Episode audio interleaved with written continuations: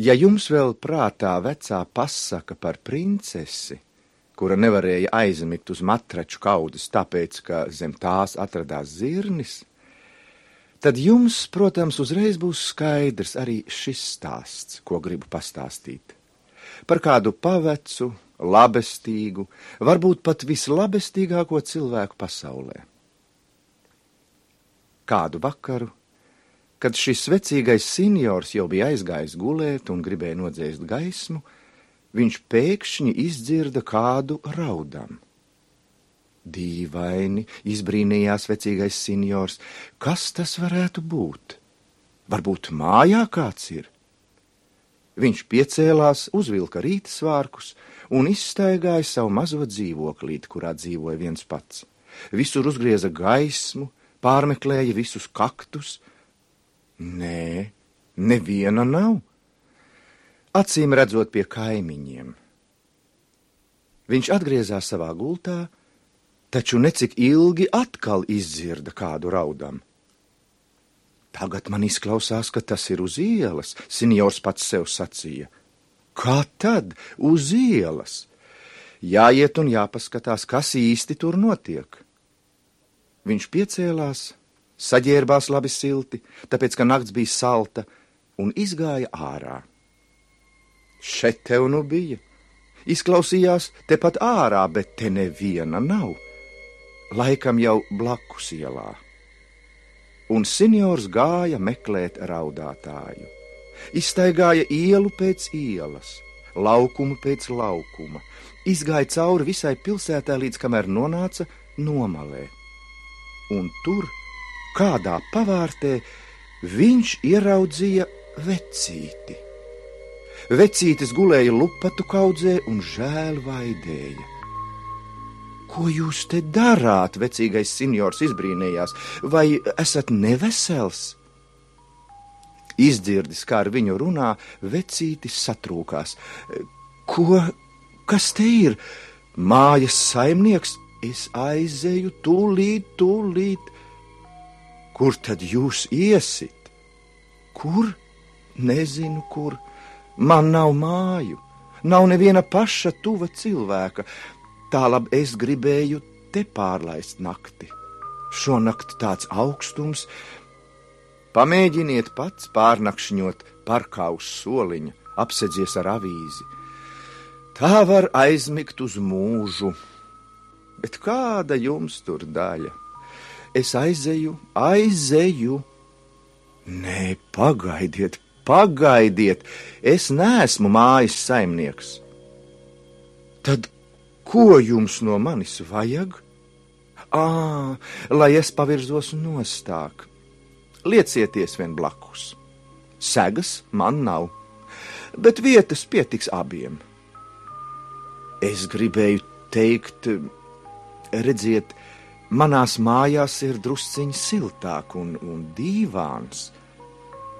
Dīvāns, silti, celieties augšā, iesim.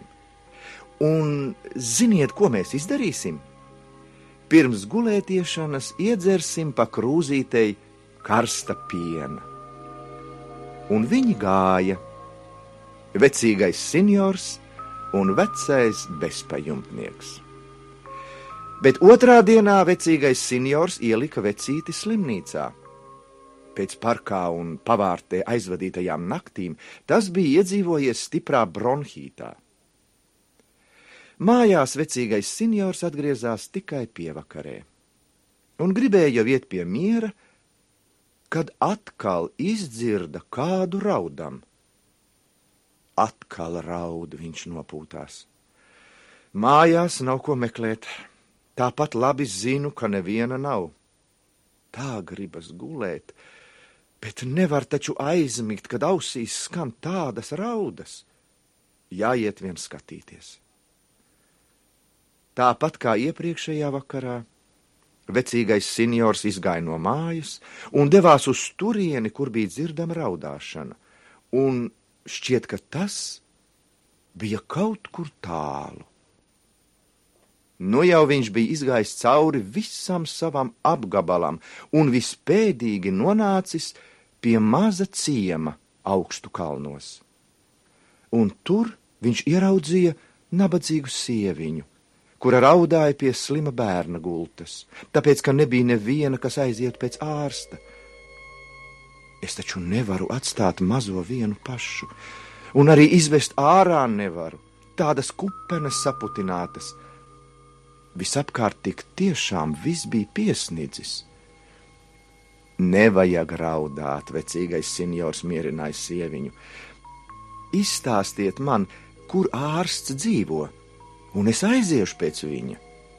Bet jūs tikmēr uzlieciet bērnam uz galvas mitru drāniņu, un viņam kļūs vieglāk.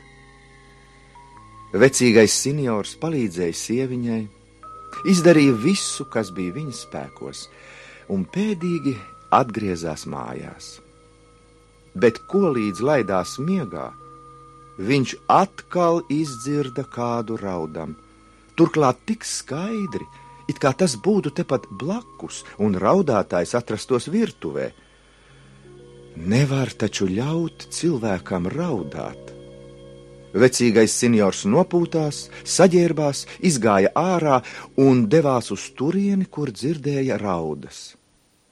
Un atkal ar viņu notika kaut kas savāds. Tāpēc, ka viņš tikpat nesaprotamā kārtā atradās kādā citā zemē, tālu viņpus jūras. Tur bija karš, un daudzi cilvēki bija palikuši bez pajumtes. Viņu mājas bija sabombardētas.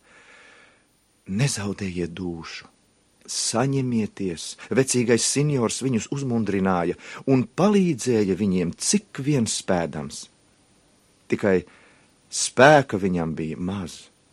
Un tomēr cilvēkiem kļuva vieglāk. Viņi noslaucīja asaras, un tad vecīgais seniors atgriezās mājās. Bet nu jau bija pienācis rīts, un rīta agrumā taču neviens neiet gulēt. Šovakar iešu pie miera agrāk, vecīgais seniors nolēma bet mūžīgi taču kāds kaut kur raud. Vienmēr kaut kur kādam ir grūti. Eiropā vai Āfrikā, Āzijā vai Amerikā. Un vecīgais seniors vienmēr dzirdēja kādu raudam, un viņam nebija miera. Un tā tas bija katru nakti, dien dienā. Šīs raudas viņam nedeva mieru.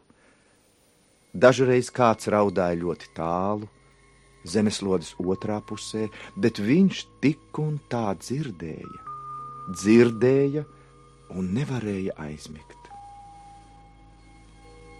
Var jau būt, ka reiz pienāks tāda nakts, kad neviens cilvēks, pat neviens bērns neraudās, un arī nākošajā naktī neraudās un pasaulē vairs nebūs raudošu un nelaimīgu cilvēku.